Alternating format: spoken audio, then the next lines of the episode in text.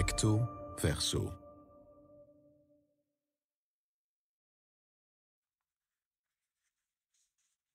Opstand der ongewensten. De zondvloed volgens een halfblinde kat. Door Piet de Vos. Aan de basis van de Ark van Noach, het oudste utopische visioen uit de wereldliteratuur, ligt een validistische ideologie. Met de roman Not Wanted on the Voyage, opende haakjes, 1984, sluiten haakjes, schreef de Canadese auteur Timothy Findley een ingenieus weerwoord, waarin de ongewenste aan boord van de ark het woord krijgen. Mensen met een beperking zoals ik krijgen van hulpverleners of naasten geregeld te horen dat we onze dromen van hogere studies, betaald werk of een gezinsleven maar beter kunnen opbergen. Dat zal toch nooit lukken, luidt dan het refrein. De enige toekomst waarover we geacht worden te fantaseren, is die waarin onze beperking dankzij een gloednieuwe therapie of hulpmiddel zal zijn opgelost. Toekomst en het leven met een beperking gaan niet goed samen, stelt Alison Kafer dan ook terecht in haar belangwekkende boek Feminist, Queer, Crip. Voortbouwend op Kefers studie wil ik hier opperen dat die negatieve relatie tussen beperking en toekomst veelal ook geldt voor de gangbare, al dan niet fictieve blauwdrukken van de gehele maatschappij. Zo toonde moraalfilosoof Etienne Vermeers zich in 2017 enthousiast over de toenemende prenatale screening in ons land. Deze toename zal er mogelijk toe leiden dat er in België geen kinderen met Down meer geboren zullen worden, zoals nu reeds het geval is.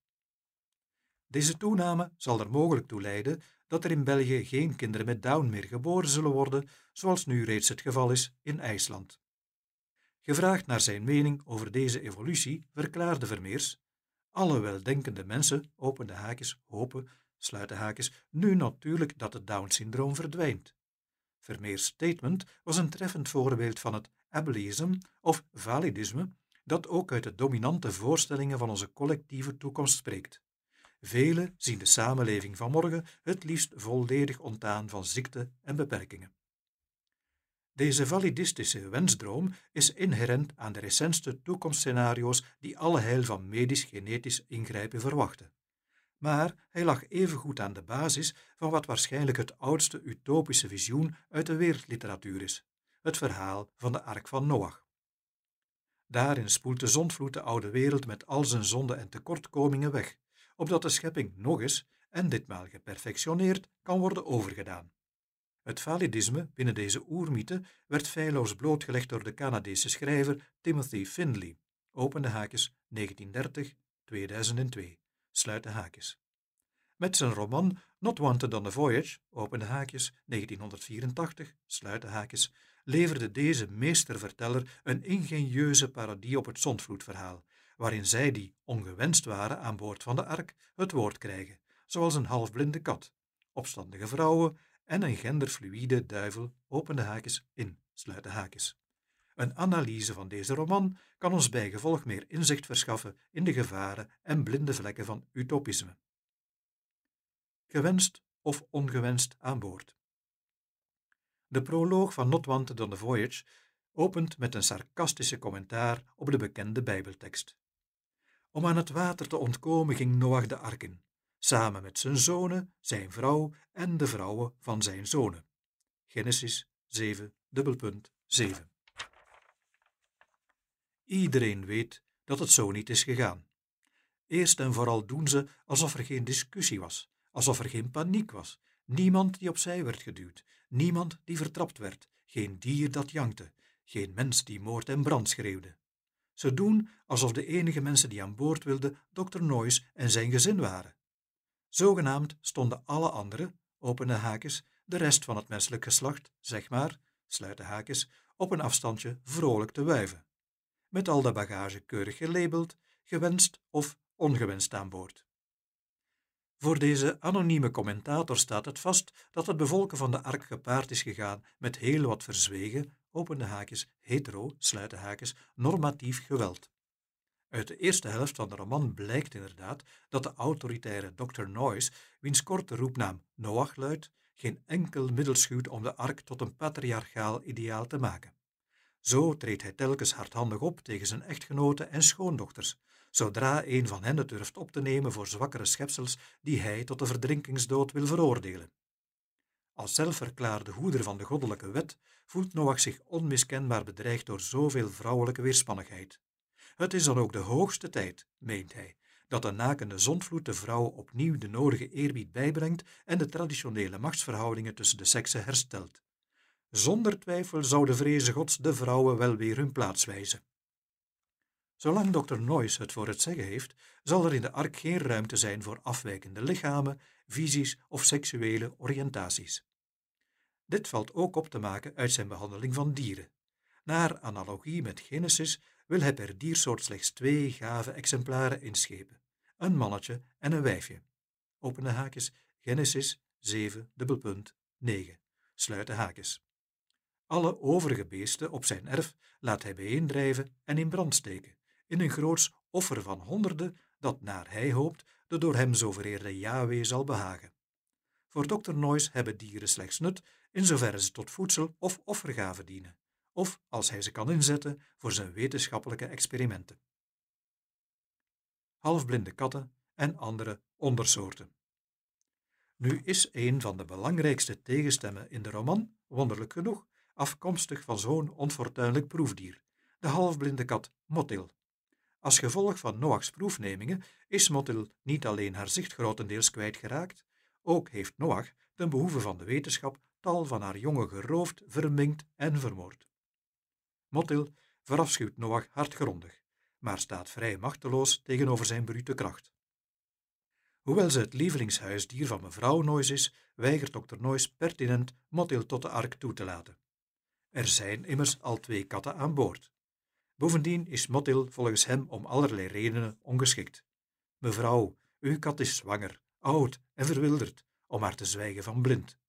Ze zal sterven met haar eigen soort, waar ze thuis hoort. Noach's handelingen en uitspraken zijn doordrongen van validisme. Zoals disability-onderzoeker Fiona Kumery Campbell constateert, neemt validisme het normale individu als dwingend uitgangspunt. Een gezond, opende haakjes, re, sluiten haakjes, productief lichaam en een goed functionerende geest gelden als de enige vanzelfsprekende maat der dingen. Bovendien stelt validisme alles in het werk om deze begeerenswaardige norm te onderscheiden van al diegenen die het als ongezond, ziek of anderszins abnormaal bestempelt. Validistisch denken doet alsof er een natuurlijke, onoverbrugbare kloof gaat tussen het normale, ofwel het menselijke enerzijds, en het aberrante, het pathologische en dus het subhumane anderzijds. Dit is Noach versus de halfblinde Motil, maar evenzo Vermeers en zijn weldenkende mensen versus de Downers. Weliswaar beschouwt deze validistische logica vooral mensen met een beperking als minderwaardig, maar ze is ook veelvuldig aangewend om andere identiteitscategorieën te disqualificeren. Hoe vaak zijn in de loop der tijden vrouwen, mensen van kleur of holibies niet weggezet als gebrekkige, onderontwikkelde of gedegenereerde versies van de witte, heteroseksuele man? Door middel van de uitvergroting, die eigen is aan de parodie, klaagt Findlay met zijn Noach-figuur een extreme vorm van validisme aan die een regelrecht fascisme ontaart. Dr. Noyce beschikt met zijn bedaarde stem, het pure geluid van de rede, meedogenloos over leven en dood. Alleen de geselecteerde, zogenaamd gezonde dierenparen en Noachs eigen geslacht verdienen een vrijgeleide. Al wie anders, verzwakt of gehandicapt is, behoort in zijn optiek tot een te verdelgen ondersoort. Daarmee is, behalve voor Motil en het verkoolde dierlijke wrakhout op het erf, ook het lot bezegeld van de buitenlanders, die aan de overzijde van de rivier wonen en nota bene nog hebben geholpen om de ark te bouwen. Het wassende water zal in alle wegvagen. De moord op de apenkinderen als goddelijke opdracht. De ergste nachtmerrie voor Dr. Noyce is echter dat zijn eigen normaliteit en bloedlijn bezoedeld zouden raken door het ziekelijke. Kort voor het definitief afsluiten van het schip onthult mevrouw Noyce het schandelijke geheim dat hun zoon Jafet nog een tweelingbroertje met een verstandelijke beperking had. Zoals de toenmalige zeden voorschreven, hebben zijn ouders dit jongetje verdronken. Mevrouw Noyce toont veel berouw over deze oude misdaad, maar Dr. Noyes doet er alles aan om de herinnering aan dit apenkind tot en met diens naam, Adam, uit te wissen. Daarom heeft hij Javed ook laten huwen met Emma, wier tweelingzusje Lotte eveneens verstandelijk beperkt is. Op die manier kan de familie Noyes, in geval er opnieuw apenkinderen uit dit huwelijk voortkomen, alle schuld op Emma afschuiven. De afstamming van de Noyes zal onbevlekt zijn. Maar, in tegenstelling tot Adam, leeft Lotte nog en als mevrouw Noyes dit blijmoedige meisje terugvindt, wil ze haar te alle prijzen behoeden voor de zondvloed. Dr. Noyes lijkt eerst toe te stemmen, maar zodra Lotte binnen in de ark is, geeft de patriarch Javed het bevel haar de keel over te snijden. Terwijl mevrouw Noyes en Emma ontzet zijn over deze zoveelste gruweldaad, begrijpt de kritiekloze Javed niet waarom hier zoveel stampij over wordt gemaakt. Per slot van rekening had hij toch alleen een aap gedood. Gelet op de systematische eliminatie van ongewenste is in Not Wanted on the Voyage de Holocaust nooit ver weg. Maar de eugenetische moord op de apenkinderen roept in het bijzonder reminiscenties op aan de naar schatting 750.000 mensen die vanwege hun verstandelijke beperking of psychische kwetsbaarheid door de nazi's werden geliquideerd. Voor Dr. Noyes vindt zijn onvervalst fascistische ideologie evenwel rechtvaardiging in het heilige verbond dat hij met Yahweh gesloten heeft. Naar hij gelooft is hij de uitverkoren rentmeester die aan het hoofd van zijn klan de mensheid van de ondergang moet redden. Open de haakjes, we hebben, sluiten haakjes, een toekomstige opdracht te vervullen en we zullen blij zijn onze plicht te hebben gedaan. Zoals nog zo dikwijls in de geschiedenis dient een utopisch toekomstbeeld hier ter vergoelijking van actueel bloedvergieten, waar in wezen validistische of andere discriminatoire vooroordelen aan ten grondslag liggen. Het geluid van Gods ontbinding. De scherpzinnige kat Mottil laat zich echter niet om de tuin leiden door zulke mooie praatjes. Terwijl zij vertrouwt op haar niet-visuele zintuigen en haar fluisteringen, instinctieve raadgevingen die haar onder meer waarschuwen voor gevaar, reikt haar slechtziende blik veel verder dan die van dokter Noyes. Toen Yahweh eerder op bezoek kwam op Noachs landgoed, zag deze niet, verblind als hij was door ontzag, dat de Almachtige Heer op zijn laatste benen liep. Yahweh bleek een oude, zieke man te zijn, met artritische handen en een vervuilde baard, diep verbitterd bovendien over het volk dat hem had uitgejouwd. Bij diens vertrek hoorde Mottil in de goddelijke koets de zwermen vliegen al gonzen, wat, dit proces kent ze uit de natuur, zoveel betekende als het begin van de ontbinding. Mottil vroeg zich af of niemand anders hier weet van had.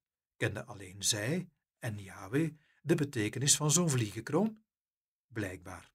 Door in de koets te stappen had God de Heer, vader van de ganse schepping, ingestemd met zijn eigen dood. Als je dieren aan het woord laat, valt antropomorfisme moeilijk te vermijden. In moreel opzicht is Mottil zelfs veel menselijker dan Noach, maar nog relevanter als tegenwicht voor het validisme is dat zij geen simpele spreekpop is. Zoals alle personages met een beperking bij Findlay heeft Mottil een volwaardige, volstrekt unieke gevoels- en gedachtenwereld. Dit geldt bijvoorbeeld ook voor Pelgrim, de mysterieuze protagonist uit Findlay's gelijknamige roman, die begin 20e eeuw als patiënt wordt opgenomen in de vermaarde kliniek van Carl Gustav Jung en de lezer een ontluisterend inkijkje biedt in de toenmalige psychiatrie.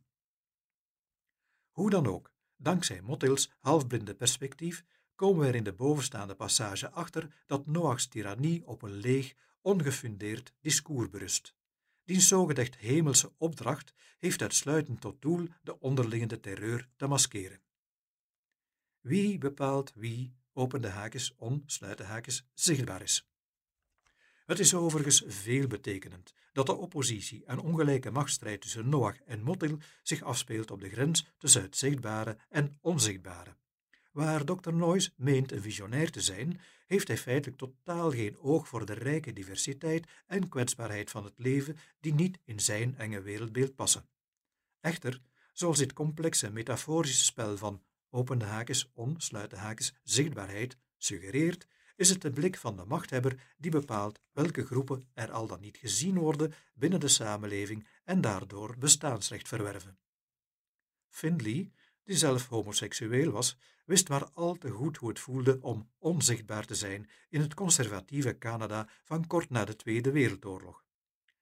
In de onderhavige roman zijn het met name de fairies die de onderdrukte gay community verbeelden. Als vliegende, magische wezens bieden ze hulp aan mens en dier voor de zondvloed. De rationalistische Dr. Noyce en zijn handlangers zijn evenwel domweg niet in staat deze stralende, lieflijke creaturen waar te nemen. Nu zou je fairies kunnen vertalen als feeën, maar dan mis je Findley's woordspeling met fairy, dat een courant scheldwoord voor homo is, te vergelijken met het Nederlandse nicht. Voor deze fairies is bijgevolg geen plaats in Noach's strete werkelijkheid, zodat al hun pogingen de ark te betreden jammerlijk falen en hun lichtjes één voor één voorgoed uitdoven. Wanneer het schip reeds op de nieuwe oceaan van de zondvloed rondtobbert, krijgt diezelfde tweedeling tussen zichtbare en onzichtbare ook ruimtelijk vorm. Terwijl Noach zich samen met zijn zonen Javed en Sem en diens machtsgeile echtgenote Hanna comfortabel in de goed verlichte kajuiten van het bovendek installeren, sluiten ze de rebelse vrouwen en dieren op in het stikdonkere ruim. Zodoende worden de laatste verdingelijkt tot cargo, oftewel lading, die de heersers uitsluitend willen benutten om hun honger en seksuele driften te stillen. Een situatie die, niet voor niets, de transatlantische slaventransporten voor de geest roept. De opstand der lagere klasse. Desondanks hebben de verlichte machthebbers niet kunnen verhinderen dat er een aantal ongewenste elementen aan boord zijn geglipt. Behalve Motil, die goed verborgen in mevrouw Noy's schort de controle is gepasseerd, heeft ook de ongrijpbare, non-binaire Lucie het gehaald.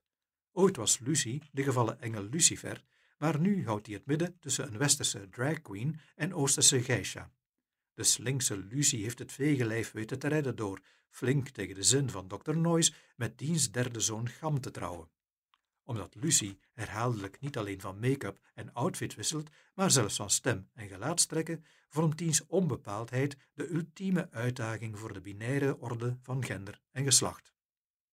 Allengs ontstaat er benedendeks een curieuze alliantie van de vrouwen, de dieren, Gam en Lucie, die gebaseerd is op zachte waarden als zorgzaamheid, vriendschap en wederzijdse afhankelijkheid.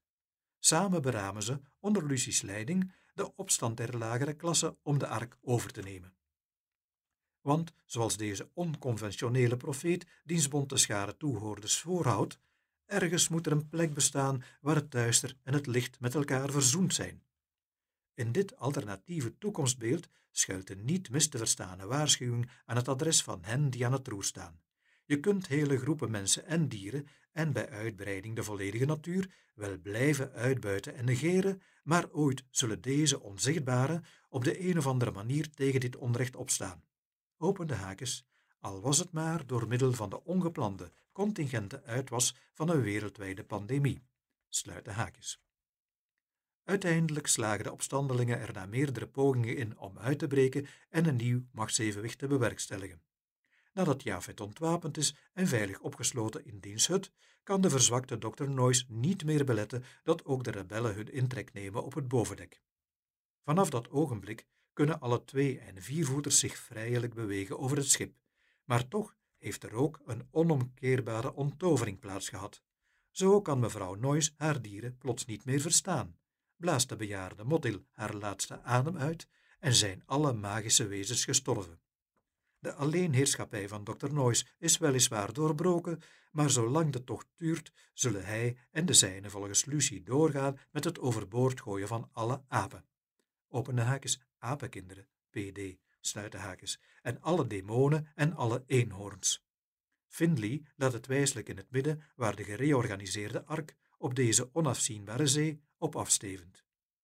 Misschien gaat deze reis wel eeuwig door, mijmert Lucie nog. Je zou dit ongewisse slot kunnen lezen als het besef dat validisme en andere vormen van discriminatie er altijd zullen zijn, zodra mensen de werkelijkheid naar hun eigen beeld trachten te modelleren en de ander in al diens diversiteit daarbij ongewenst achten. Not Wanted on the Voyage is een krachtige, moderne mythe in zoverre ze tal van interpretaties toelaat en op uiteenlopende contexten van toepassing is. Niet alleen werpt ze een kritisch licht op historische realiteiten als de Holocaust of de slavernij. Ook noopt ze ons tot reflectie als we onszelf weer eens verliezen in utopieën van sociale, genetische of ecologische maakbaarheid. Zulke utopieën zijn behalve al te ook ronduit gewelddadig in hun vaak onbewuste, uitsluitende tendensen. Anders dan het Bijbelse zondvloedverhaal eindigt Not Wanted on a Voyage niet zomaar met een happy ending. Maar toch schuilt er een hoopvol verzet in Finley's keuze voor de ongewenste passagiers van de ark. Hij herinnert er ons aan hoe gevaarlijk de vanzelfsprekendheid is als het over het uitstippelen van een gezamenlijke toekomst gaat. Want vanzelf spreekt alleen de, opende haakjes, validistische, sluiten haakjes, norm, de heersende machtsorde van de stuurlui. Daarom ook hebben we blijvend nood aan de afwijkende verhalen en visioenen van verstekelingen. Pio Pieter Vos, opende haakjes, Kortrijk 1983, sluiten haakjes, is schrijver en disability-onderzoeker. Na de vertaalopleiding Frans-Spaans en een onderzoeksmaster literatuurwetenschap te hebben gevolgd, promoveerde hij in 2013 op een proefschrift over zintuigelijke waarneming in poëzie. Nadien legde hij zich vooral toe op disability-studies en dan in het bijzonder de esthetiek van het onvolmaakte lichaam in kunst en literatuur. Zijn eigen blindheid vormt daarbij een kritische lens en inspiratiebron. Tegenwoordig werkt Piet de Vos vooral als gastspreker en docent.